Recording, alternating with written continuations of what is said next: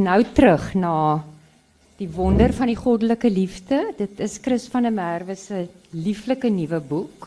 Hy is hier buite. Ek hoop julle almal wat hom nog nie het nie gaan hom koop want hy is iets wat jy vir jare en jare gaan wil lees. Chris van der Merwe is professor by mede-professor in Afrikaans en Nederlands by die Universiteit van Kaapstad en hy was al by baie oorseese universiteite gasdosent. En hy's ook iemand met skrywersbloed met sy oom Boerneef en ek dink Elna van der Merwe is jou nuggie. Ja, so. Hy gaan in gesprek wees met Dr. Chris Jones, 'n teoloog hier van Stellenbosch, hoof van die kantoor vir morele waardes en morele leierskap by die universiteit en hy's ook betrokke by Communitas, maar ek gee eerder oor aan hulle want hulle het baie om oor te praat. Baie dankie. Uh, baie dankie Erika vir die woorde van verwelkoming en uh, baie welkom ook aan elkeen van u wat hier is. Ons is uh verras dat hier soveel mense gekom het. Baie dankie dat dat julle hier is. En uh, van my kant af Chris, voordat ons begin, um, ook baie geluk aan jou en ook Lux Werby met hierdie pragtige boek. Uh hy is so mooi versorg. Uh en terwyl ek daardeur gelees het, het ek heeltyd die indruk gekry uh dit is uit die hart uit geskryf, jy weet en daar's pragtige uh stories en en wonderlike kragtige aanhalinge. Uh so baie geluk hiermee. Ehm um, vir die van julle wat vir Chris dalk nie so goed ken nie, hy word môre 70. So Chris baie geluk hoor. ja. Ehm um, ek wil net sê jy kan die presente kan nie daar by die deur laat ja. Uh, Chris, kom ons begin. Ehm um, voordat ons by die boek kom, ehm um, waar begin het jou liefde vir vir letterkunde uh, begin en wanneer het jy besluit dit is wat jy met die res van jou lewe mee besig wil wees? Jy weet daar was Betty Kemp het 'n program gehad oor die radio, die ink in ons are en ek dink die daar is so 'n bietjie ink in my are want my pa was 'n ehm um, Afrikaans onderwyser. Ehm um, my suster is 'n skrywer. Ek weet nie of sy hier is nie, sy behoort hier te wees.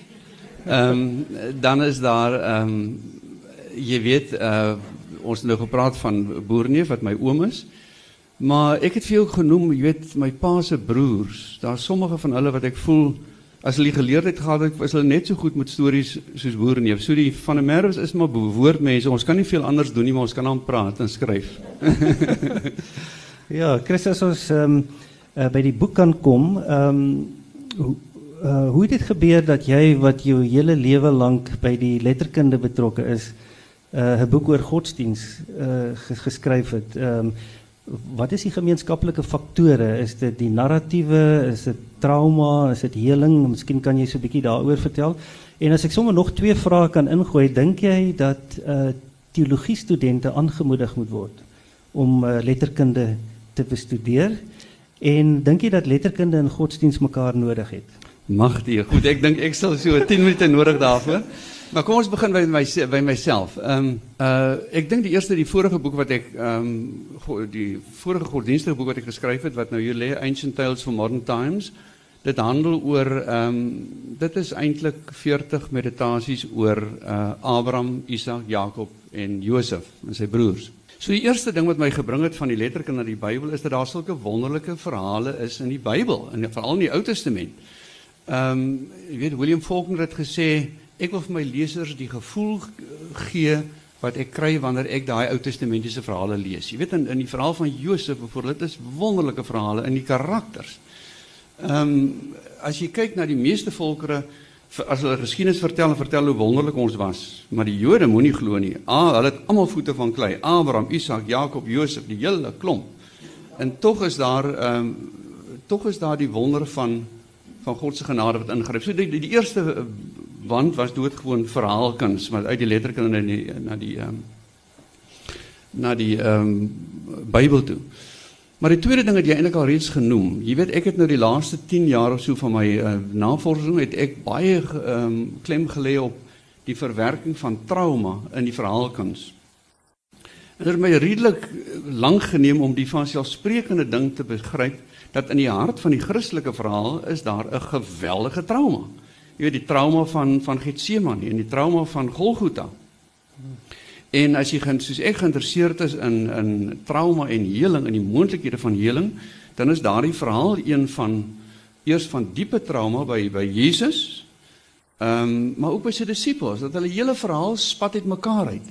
En dan kom daar 'n nuwe verhaal uh en 'n nuwe hoop. Jy weet so daar is as jy soos ek geïnteresseerd is in trauma en en heling dan uh dan is daar die verband. En ek weet nie of ek ehm um, ek wil nou nie te lank almekaar praat nie, maar sal ek nog miskien as ek net vir myself uh, kan vertel. Ehm um, toe ek 'n student was, 'n onskuldige student in Nederland, uh toe gaan woon ek 'n uh, uitvoering by van die uh Vlaamse skrywer Hugo Claus, Claus met 'n C, oor wie ek uiteindelik my doktorsgraad gedoen het. En ek was verbaas want hierdie drama het my so aangegryp en ek het gevoel maar as Christen behoort jy eintlik nie van hierdie ou te hou nie want hy het jy weet is so teen die kerk en hy het 'n drama geskryf waarin die drie eenigheid God die Vader, Seun en Heilige Gees moet swepe van die verhoog afgejaag word. Jy weet hy's vir God se lastering aangekla. En hier hou ek dan van hierdie hierdie persoon se se drama. En wat vir my interessant was oor die jare heen, dat ek besef het op die oppervlakte is julle ver uit mekaar uit. Maar onder die oppervlakte is daar raakpunte. Jy weet as dieselfde kritiek wat Klaus gehad het in die kerk behoort behoort ek ook in die kerk te hê. En miskien gaan ek nog net dit vertel dan wil ek eers moet ek eers ophou want anders praat ek te lank maar Klaus was 'n keer by by uh, ons aan huis. En toe vertel hy die verhaal van sy sy half vertraagde broertjie. En hy sê hy is die beste mens die ek ooit heb geken. En wat die wonderlike ding is, hy het ook daaroor geskryf in sy vroeë drama, uh, in Bruitende Morgen en sy vroeë uh, roman De Metsier, dat ek voel dat jy weet die verhaal van Jesus skryf as dit ware by die agterdeur in, maar hierso het hy ook 'n gevoel, uh, jy weet, die onbevlekte karakter, soos ek wil sê amper die Christus karakter by hierdie man wat so wat ek gedink het wat 'n godloonaar is. So ek dink wat ek eintlik wil sê is dat ehm um, daar is baie meer raakpunte tussen religie en letterkunde. En baie keer die skrywers wat lyk asof hulle so radikaal is en of hulle alle deure wil oopskop en vensters wil stik en slaan, hulle het baie dikwels is daar 'n baie sterk spirituele element en dit is dis iets wat my baie interesseer. Miskien moet ek nou eers wat jy nog 'n vraag gevra maar ek weet nie of ek nou eers moet stil bly nie. Ja, ek was onredelik om vir jou drie vrae. Want die derde is nog nie beantwoord nie. Ja. Die tweede een is ek baie geïnteresseerd in. Uh dink jy teologie, teologie studente behoort letterkunde te bestudeer? Wie jy um, my gevoel is as ek nou kan praat as Christen dat die letterkunde net my wêreld verryk het. Ehm um, want ek dink ons het toe ek op ehm um, 'n student was ons so half gespot en gepraat van teologie studente wat jy weet hulle kom hierso en dit mag hulle hoor en dit mag hulle nie hoor nie dan gaan hulle daarna toe en as hulle hierdie kos het dan kom hulle nie met die wêreld aanraak nie. En dit is eintlik dink ek 'n swak opleiding. Want die letterkunde gee vir jou so wonderlike idee van van die strominge wat in die wêreld aan die gang is. Jy weet uh, Tolkien die die skrywer het gesê uh eers gesê if you want to know the news read literature. En ek voel dit ook. Jy weet as jy jou wêreld wil ken en wil, wil weet wat in die samelewing aan die gang is en veral die onderliggende strome, dink ek die letterkunde is ehm um, is eintlik onontbeerlik. Jy weet en ek sal sê uh ek weet nie ek weet die kursus is volgepak. Ek weet nie of mense nou moet sê jy moet nog 3 jaar letterkunde ook doen nie, maar as jy nie ten minste vir hulle 'n belangstelling in letterkunde wek nie, dan is daar ook nie 'n belangstelling in die lewe nie. En dit geld nie net vir letterkunde, dit geld vir vir uh musiek, dit geld vir skilderkuns, dit geld vir die kunste. Ek dink uh teologie en die kunste is nie ver van mekaar nie. Maar hulle vul mekaar eintlik aan. Chris, jy het dit nou uh, jy het dit nou aangeraak, maar uh, die derde vraag was of of godsdienst en letterkunde mekaar nodig het. Wil jy wil jy dalk nog 'n sin of twee sê?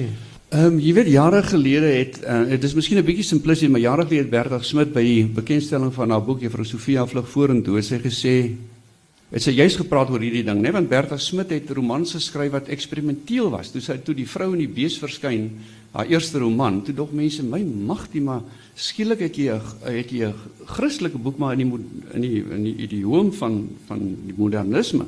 En ehm um, maar toe het sy by die bekendstelling gesê die kerk en die en die letterkunde het mekaar nodig. Hy sê want dikwels is dit sodat die letterkunde stel die vrae, die mees essensiële vrae. Hulle gee nie altyd die antwoord nie. En die kerk sê tog ons het eers 'n antwoord. Dus uh dan moet in elk geval 'n gesprek wees.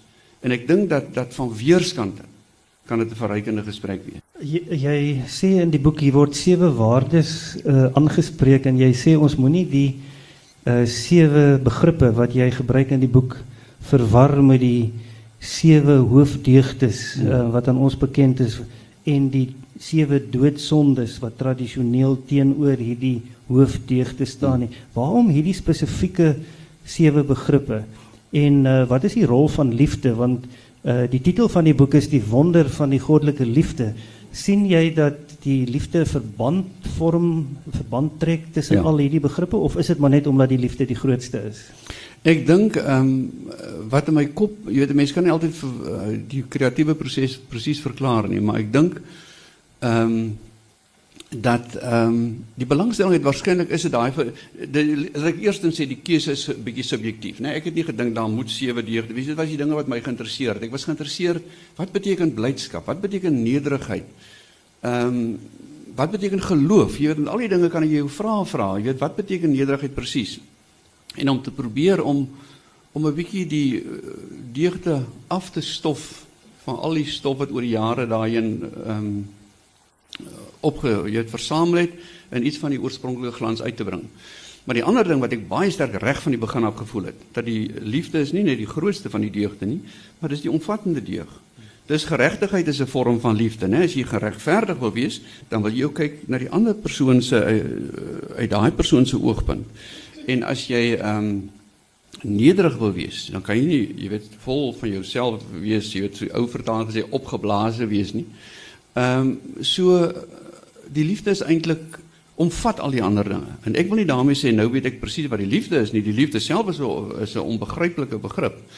Maar een van die moontlikhede wat ek gedink het toe ek gesoek het vir 'n titel was ehm um, ander name vir die woord liefde. Net want die ander begrip is eintlik in 'n sekere sin ander name of die die oorspronklike titel was ook met een woord.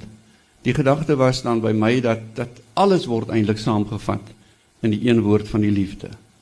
En dan beteken dit nie dat ek nou presies weet wat die liefde is nie. Die liefde bly nog steeds na 'n soort begrip wat ry buite ons begripsvermoë, maar ten minste weet ons dit is waar hulle almal bymekaar kom. En dit is hoekom dit vir my so belangrik is dat wanneer mens praat oor die oor Christelike waardes, dan is dit eintlik dan moet jy praat oor die liefde die hele tyd.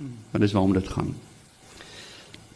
Chris, ek kry die indruk as ek die boek lees dat jy bekommerd is dat die dat die kind en 'n mens sou die kind met 'n hoofletter kon skryf dat die dat die kind saam met die badwater uitgegooi word, maar dit is interessant dat jy ook ehm um, iewers skryf ek hoop ek haal dit reg aan oor aanstootlike versoening. Mm. En baie keer hoor 'n mens by mense, jy weet, hoe is dit moontlik dat dat God sy seun mm. ehm um, laat kruisig het vir die sonde van van mense? Watter pa doen so iets. Wil jy mm. dalk 'n bietjie meer daaroor vir ons ja. vertel asseblief?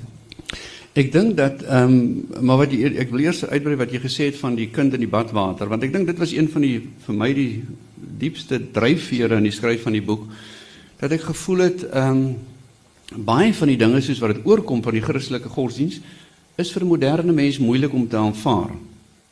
En vir my was die ding gewees, hoe kan jy as ek dit sou kan uitdruk, hoe kan jy daai kind in ander badwater gee. Dis dieselfde kind, maar dis ander badwater. En ek was baie bewus daarvan dat val feministiese teoloë hou nie van hierdie gedagte van van die kruis wat sentraal is nie. Uh en soos iemand ek was by 'n byeenkoms gewees, uh, so klein byeenkomsie waar iemand wat nou radikaal is 'n sielkundige radikaal, jy weet, groot probleme het met hierdie gedagte van God wat uh, Jesus wat gesterf het vir ons sondes.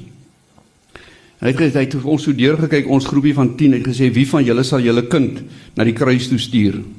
En ek moet sê nie een van ons het daarvoor kans gesien nie. Ehm um, maar so die hele probleem vir baie mense is dat jy is die jy is jou konsepsie van God eintlik. Wat is oor God is dit wat wat dit aan 'n aan 'n seun doen? Uh is dit nie 'n soort ehm um, aanmoediging van geweld nie, van gewelddadigheid nie. Ons het genoeg van geweld in die lewe en nou kom die Christendom en hy sit reg in die sentrum sit hulle 'n man wat gewelddadig sterf. Is dit nie ook 'n verheerliking van lyding en 'n verheerliking van ehm um, uh ja, dis maar eintlik wat ek wil sê verheerliking van lyding nie. En uh, dis die eerste dis die eerste probleem wat mense het. En vir my as ek die Johannes Evangelie reg lees, dan kom daar eintlik in plaas van 'n gewelddadige God kom daar na vore die idee van 'n God wat lei. En wat saam met die mensdom lê want as jy kyk hoe uh, Johannes dit die evangelie dit beskryf dan sien jy die noue verbondenheid van van vader en seun hè soos dit uh, tradisioneel gestel word. Nou kan jy nie sê daar sit die pa lekker in die hemel en Jesus is die seun jy weet en hy lê vir 'n vaal nie. Maar jy sit jy sit met 'n innige verbondenheid. En vir my is dit 'n ontsettende um troostende gedagte. Want ek dink enige denkende mens uh moet dink eers dink aan die vraag as God dan goed is net as jy ou klise vraag as God dan goed is en God is almagtig hoekom gebeur as sulke verskriklike dinge op die wêreld en uh um dis nie die vraag wat ek wil probeer beantwoord nie maar vir my 'n troostende gedagte is dat in die hart van die evangelie uh is daar 'n God wat saam met die mensdom lei. Dus ek sien dit meer as 'n as 'n lydende God dan as 'n gewelddadige God. En ehm um, Julia Kristeva, die Franse filosoof het eers gesê dat die Christendom is die is die godsdienst wat die wat die gedagte van trauma die beste geakkommodeer het. En, en ek stem daarmee saam. So ehm um, ek dink uh dit is die eerste ding dat 'n mens nie voel dit is 'n gewelddadige God nie, maar is 'n lydende God wat saam met die mense. Jy kan baie dinge nie verstaan nie, maar dit is vir my 'n troostende gedagte. Ehm um, daar was nog iets diepsinnig wat ek wou sê, maar ek het nou vergeet. Ehm uh, um, goed, ag ons kan ons kan terugkom uh, daarna Chris want ek wil ek wil 'n bietjie uh, aanstoot.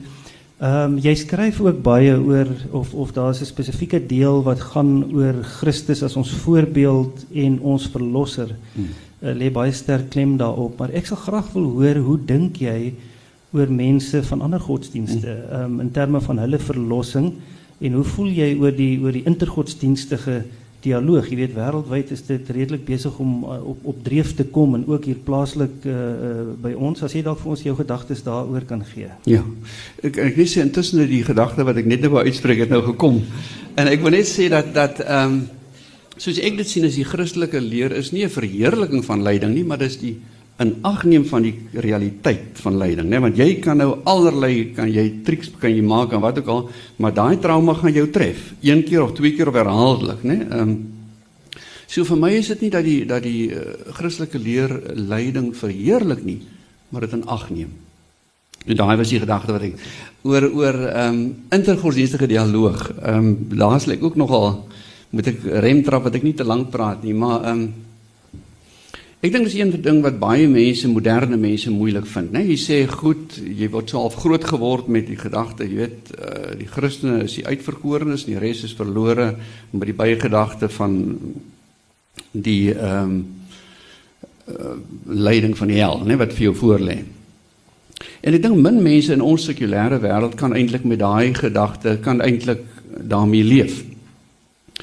En ehm um, so wat vir my interessant is, ek wil miskien tog twee dinge uit my eie lewe vertel.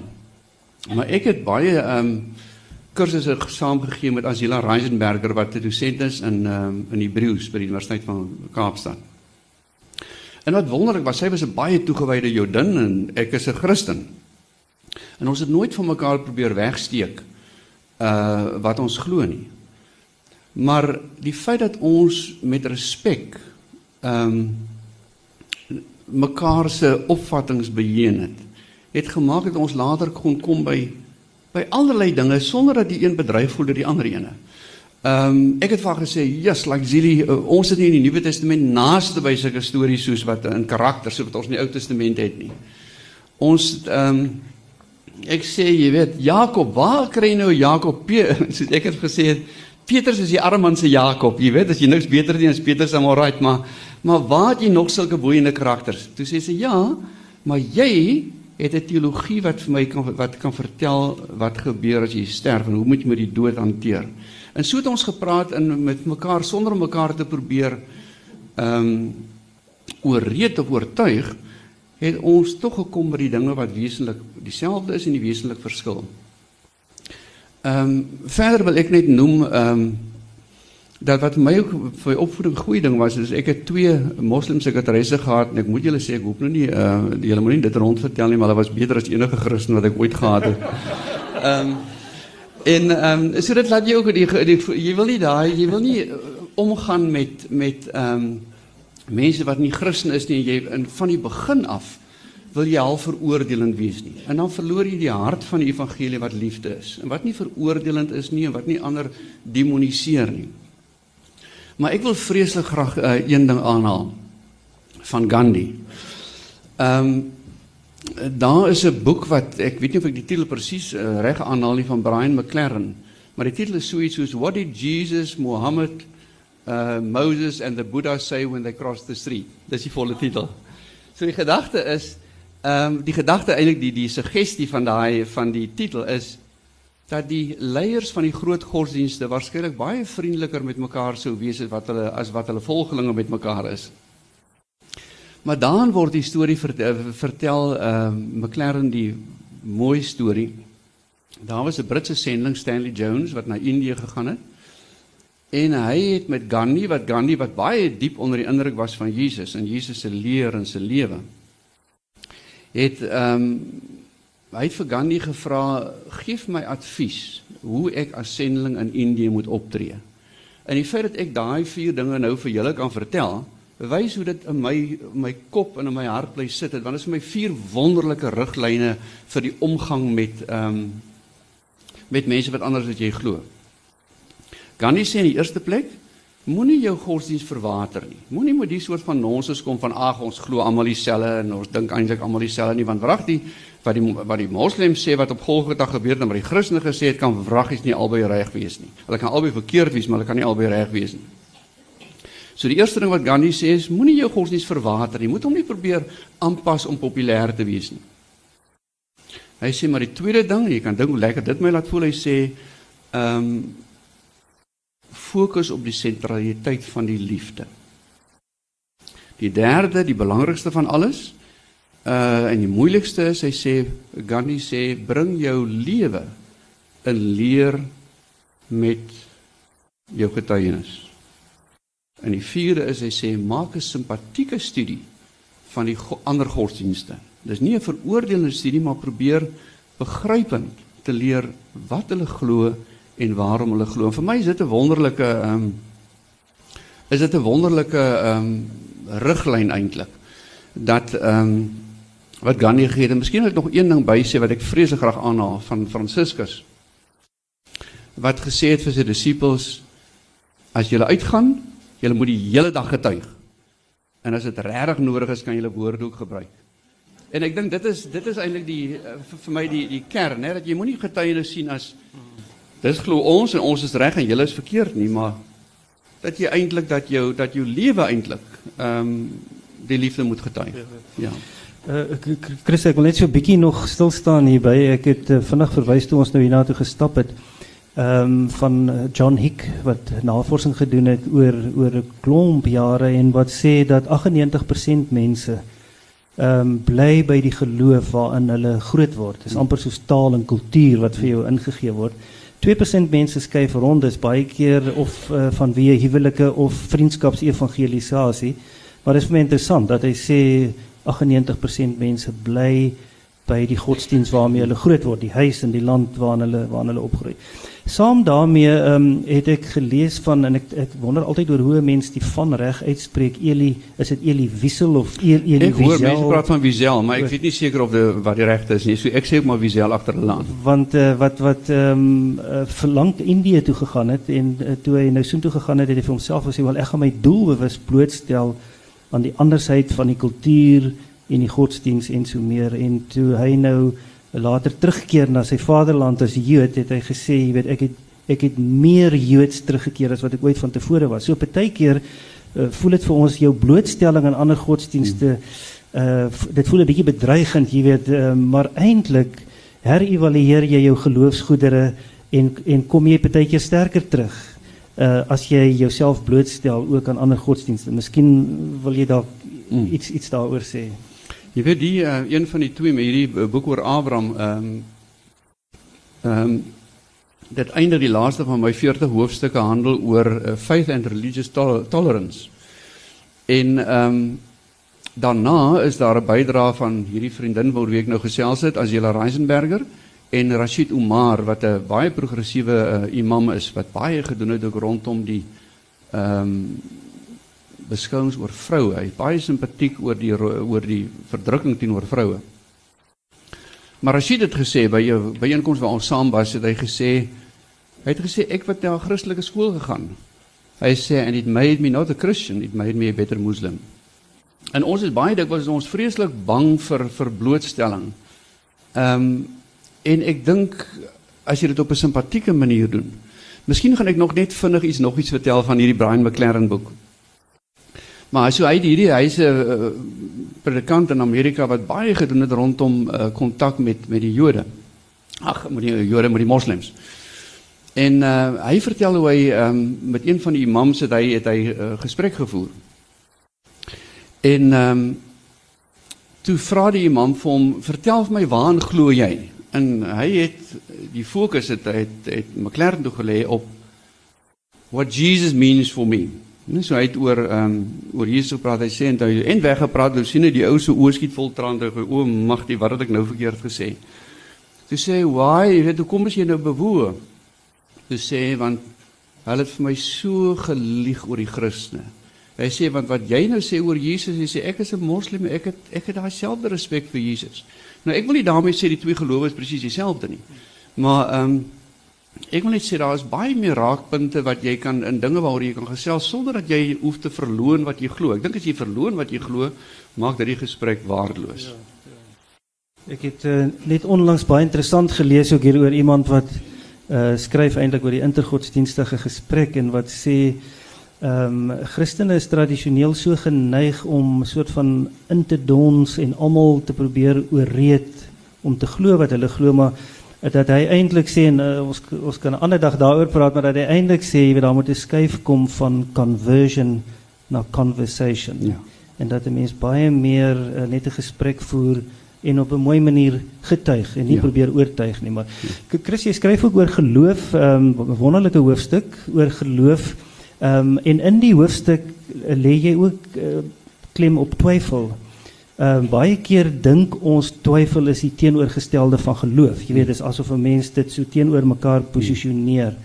Uh, sien jy twyfel as 'n element van geloof? Ek probeer nou roep, ek kan nie onthou wie dit gesê het nie, maar iemand het het gesê dat hy wat nog nooit getwyfel het nie, het nog nooit werklik geglo nie. Ja.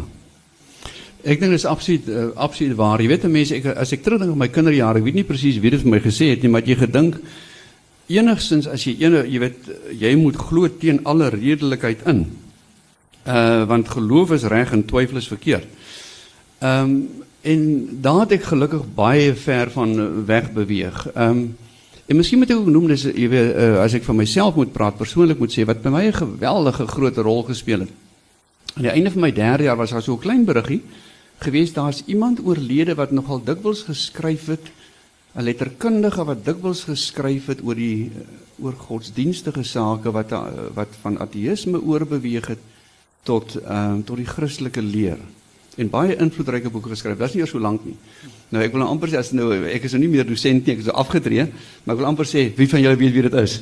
Maar ehm dit is C.S. Lewis. En ehm toe ek nou begin lees aan C.S. Lewis, uh, aan C.S. Lewis toe was dit vir my 'n groot bevryding want Lewis het ehm um, is opgelei as iemand wat eerlik denkend enigiets wat jy laat twyfel dit direk sê. En as hy as jy ehm um, miskien het sommige van julle die fliek gesien in Shadowlands, né, waar sy ehm um, uh, wat handel oor die dood van sy vrou. En daarna skryf hy 'n boek uh, A Grief Observed wat ek bedoel absoluut ehm um, blaatant die vraag stel is God dalk 'n groot sadis. So ehm um, Loos was een wat wat wat nie wat nie gehuiwer het om die groot vrae te stel nie en wat daardeur gewerk het. Jy weet as jy na die Bybel kyk, ehm um, dan is dit Job. Jy weet uh, Job wat wat geworstel het met God en God aangekla het En wat vir my die mooiste teks omtrent en, en sekerlik na die boek Bybel is dat dat aan die einde dan sê nou kom die Here nou in in die in die uh, dialoog en dan sê die Here vir Job se vriende julle het nie mooi oor my reg gepraat soos Job nie. Job het reg gepraat. Daai uh, aanvalle van hom. Dis eerlik. En nog net 'n laaste voorbeeld ek sê ek daar's ook die ehm um, voorbeeld van die die persoon wat in die ou vertaling was hy genoem die pa van die maansieke kind en die later vertaling het hy maar net 'n siek kind geword. Maar ehm um, wanneer Jesus vir hom sê, ehm um, as jy glo, enigiets is moontlik, dan sê ek glo Here, kom my ongeloof te help. En in sommige van die ouer vertalings sê ons het die paar met trane gesê. Ehm um, so twyfel en en geloof is twee kante omtrent van dieselfde muntstuk. En die persoon wat wat nooit twyfels het nie. Ek dink twyfel is nie iets wat jy een keer het na werk jy na deur nie. Jy het gedurig het jy weer nuwe twyfels en wat jy nie opnuut moet deurwerk. Maar ehm um, die ding waarvoor ek bang is dat mense nader as hulle as hulle jy weet mense kan so maklik nou weer sterk geloof ontwyfelbare geloof sien as 'n soort nuwe deug nê nee, en as jy weer sien as jy by die groot sonde van die hoogmoed ehm um, van ek glo jy weet en daai ouetjie twyfel Maar maar die Bybelse storie is anders. Jy weet is is een van van uh, Isak de Villiers in een van sy gedigte homself genoem 'n twyfelaar wat glo. En ek dink dit is dit is uh, eintlik in die hart van die evangelie. Dit is twyfelaars wat glo. Ja. Uh, Chris, jy skryf ook oor hoop. Ehm um, ons het ook nou voor die tyd vinnig daaroor gesels met my vrou wat ehm um, ehm um, op plase werk en uh, baie keer ook met jonger vroue werk en uh, uh, gereeld kom sy terug by die huis en dan sê sy daar's so baie mense waarmee sy werk wat hoop verloor het. Hmm. Uh, ek het onlangs die voorreg gehad om met 'n vakbondleier te praat en hy het vir my gesê die een ding wat hom die meeste bekommer in Suid-Afrika is jong mense wat hoop verloor het. Hmm. Jy skryf oor hoop in die boek. Hoe help die boek ons om draers van hoop te word?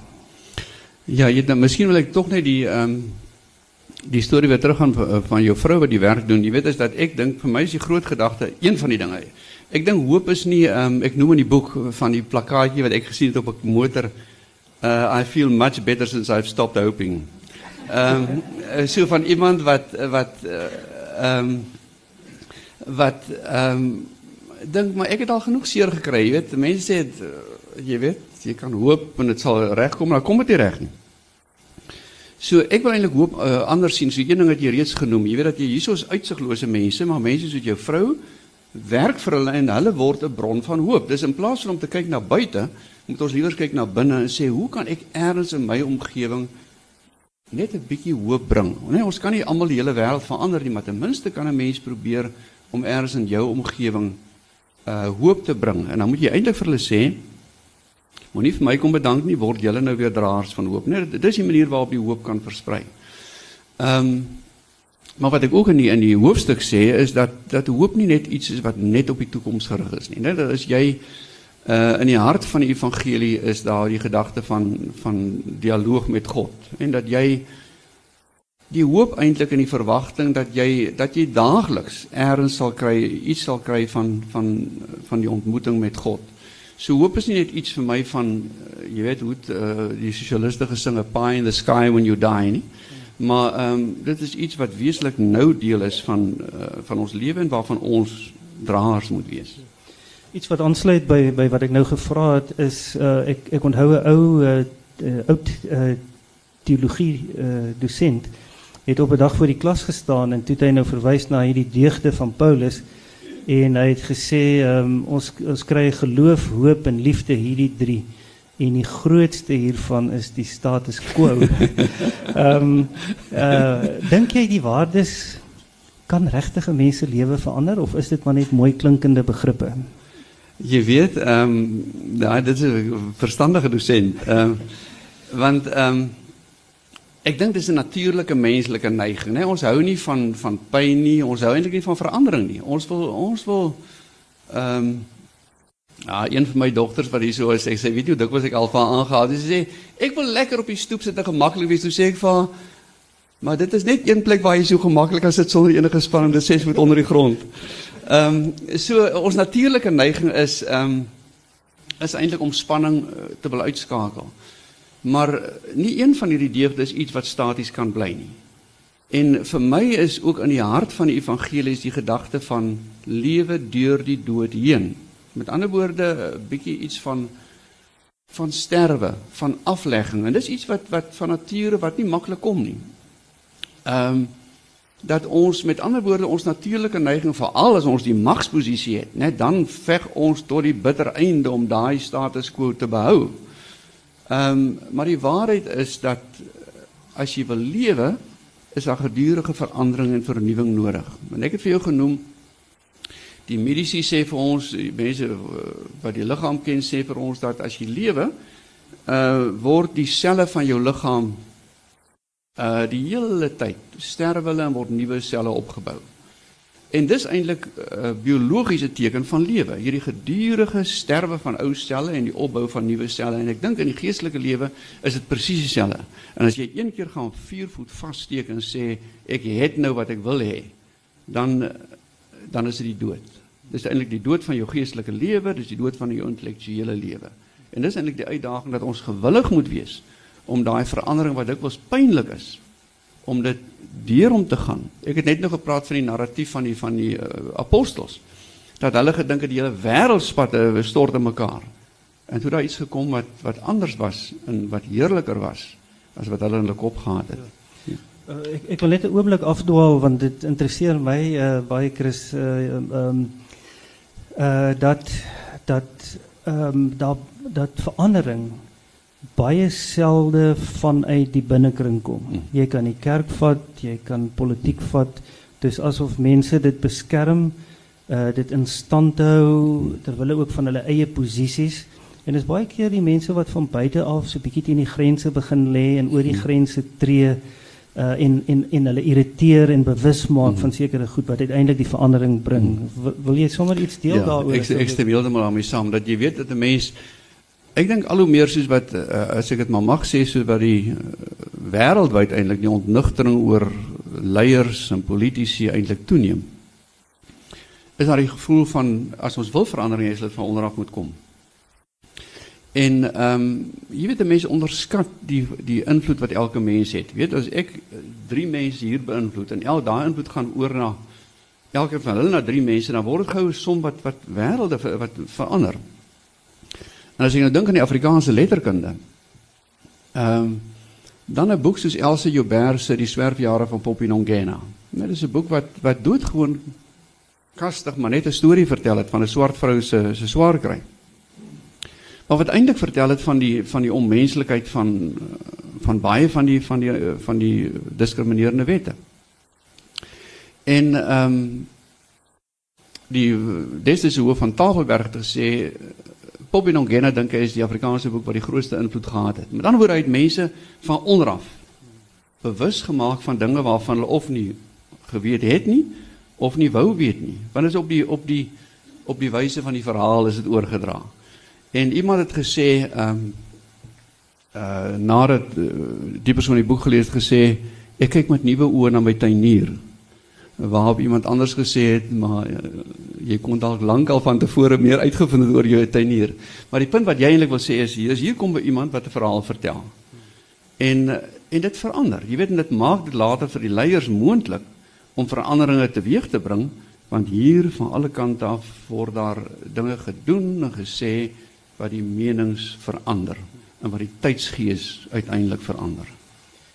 Een baie interessante sin wat jy in die boek gebruik veral in die hoofstuk oor geregtigheid en ek het dit nog nooit so gelees nie en toe ek dit nou gelees het, toe maak dit vir my baie sin. Maar waar jy sê dat die teenoorgestelde van geregtigheid is narcissisme. Hmm. En ons kry so baie keer met narcissisme te doen ook in die kerk, jy weet, ons is nie kwyt geskeld daarvan nie. Ehm um, vertel ons 'n bietjie meer daaroor asseblief. Uh jy weet, miskien moet ek met 'n ompad sê dat nederigheid, ek dink is een van die ehm um, deugde wat eintlik 'n bietjie verdraai en vervorm is. Jy weet ek let nou op in die Nederlandse Bybel, lyk dit vir my het hulle baie dikwels Nederland ne, uh, nederigheid vertaal met beskeidenheid want hulle hulle skrik vir daai begrip van nederigheid, die idee van die ou wat maar alles toelaat en so aan en wat sê ag ek is eintlik nie wonderlik nie terwyl jy werklik dink ek is dan nie so sleg nie. Dit maar dit is dit is iets anders. En uh so ek wil sê nederigheid en geregtigheid lê baie na mekaar.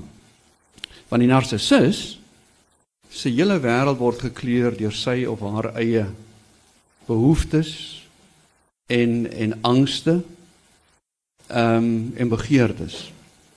So ehm um, die narcissus kyk na die hele wêreld en en kyk na die wêreld buite en soos die blits word die wêreld net so verander om te pas sodat ek goed voel oor myself en sodat ek myself kan verhef en sodat ek kan wys ek is beter as ander. Dis die narcissus. Ehm um, terwyl die een wat glo in geregtigheid, geregtigheid uiteindelik dink ek bring ons by die die fundament van alle etiek, van alle moraliteit. Naamlik dat jy die vermoë het, die verbeel die die morele verbeelingskrag het om jou in te dink in hoe iemand anders voel. Sodat geregtigheid sê, maar ek voel so, maar daai persoon voel so en daai een so en die een se ervaring is so, kom ons probeer om hulle met mekaar te verbind. So ehm um, geregtigheid en nederigheid is vriende van mekaar. Uh en narcissisme en hoogmoed is hulle vyande. Chris, jy skryf ook oor waarheid. Hoe dink jy oor waarheid? Wel om die waarheid te sê, ek weet nie. Ehm um, 'n paar dinge net ehm um, wat ek nou sal noem. Die een is dat ehm um, mense sê die liefde is blind. Maar dis nonsens. Verliefdheid is blind. Ehm um, nee, want wanneer mense verlief is dan sien jy glad nie enige fout raak by daai persoon eh, persoon in wie jy geïnteresseerd is nie. Maar die liefde waarvan die evangelie praat is is is heldersiende. Met ander woorde, dit is 'n liefde wat wat sensitief is vir vir ander mense se behoeftes, ander mense se angste. Uh hy sien die die, die liefdevolle persoon sien dinge raak wat by ander mense verbygaan. Ehm um, jy weet daar's 'n wonderlike boek as ek nou gou by die letterkunde kan adverteer van Karel Skooman Verliesfontein waar jy verskillende perspektiewe het, verskillende karakters. Maar die interessante ding is hoe dat die een karakter dinge raak sien wat die ander totaal nie raak sien nie. Met ander woorde wat jy raak sien is baie dikwels sê wie jy is. En die persoon wat wat uh jy sien alweer liefde en waarheid kom na mekaar toe. Ehm um, die persoon wat die liefdevolle persoon uit die Bybelse sin is die een wat dinge raak sien wat ander mense mis sien. Ek weet nie of ek miskien nog een ding gou-gou nog sou sê nie, maar uh, die vreemde ding wat Jesus sê is ek is die waarheid. Nou wie praat nou? Jy kan sê mense sê ek praat die waarheid, maar Jesus sê ek is die waarheid. Wat vreemd is. Maar soos ek dit lees, is dit ehm um, beteken dat Jesus het die waarheid gebring in 'n verhaal, in 'n geskiedenis, in sy eie geskiedenis. En dit is 'n verhaal van wat vertel van die waarheid van die goddelike liefde, maar dit is 'n verhaal wat ook dinge vertel wat ons nie so baie van hou nie, want jy sien as jy daai storie kyk hoe dat jy sien in Jesus se goddelike liefde teenoor in kontras met al die ander karakters. Nee, want almal skiet tekort. So dis ook 'n verhaal oor die waarheid van liefde, maar ook die waarheid van van tekort. Want as jy kyk na die disippels wat hom almal jou arme ou Petrus wat ek net nou van gepraat het, uh hulle het weggehardloop. As jy kyk na Pilatus, as jy kyk na die Joodse leiers, dis as jy kyk na ehm um, die Romeinse soldate, oral eintlik is dit 'n verhaal die waarheid van van liefde en van tekort. Um, Erika, ek wil net hoor ons is tot nog 5 minute. Ons wil nog 'n vraag geleentheid gee vir 'n vraag of twee. Ek wil nog graag gevra het oor waarheid en liefde, maar ons sal nie nou daarby uitkom nie. Chris, hierdie boek van jou 2008 verskyn, Ancient Tales for Modern Times. Was jy dalk in 'n sin iets daaroor wil sê dan hierdie ene ook die houtbeen van Sint Sergius wat gister of eergister verskyn het as asseblief ek dink 3 dae gelede al. O 3 dae. Ehm ehm laat ek oor oor die ehm um, ek het eintlik 'n bietjie oor Ancient Tales gepraat hè so dit is 40 ehm um, hoofstukke rondom ehm um, die verhale van Abraham, Isak, Jakob en Josef en vir my is die wonderlike ding eintlik Hierdie mense met voete van klei wat so betekenisvolle rol in die geskiedenis gespeel het. Josef het ek gedog as hy 'n voorbeeld, wragtig ook nou behoorlik Josef storie, hy's 'n pyn in die nek. Hy is ehm um, jy weet hy is as ek broer was sou ek hom wragtig uh, ten minste in die put gegooi het. Ehm uh so dit was my die, die stories daarso en dan die hele kwessie van belief in in tolerance. Wat hierdie betref, dit is nou letterkundige opstelle wat nou keuse is van 'n opstel en ek wil miskien net een ding vertel. Ehm um, en dit is dat eh, daar's drie afdelings, maar die tweede en die derde is veral vir julle interessant. Die eerste, die tweede is een van ehm um, verhaalkuns en ehm um, en trauma en versoening. In die laaste afdeling is spiritualiteit en die letterkunde, né? Nee, en dit is waar die dinge bymekaar kom. Sint Sergius, dis eintlik 'n aanhaling uit 'n boek van J.M. Coetzee, the um, the Master of Petersburg waar uh, die hoofkarakter is Dostojewski, die skrywer.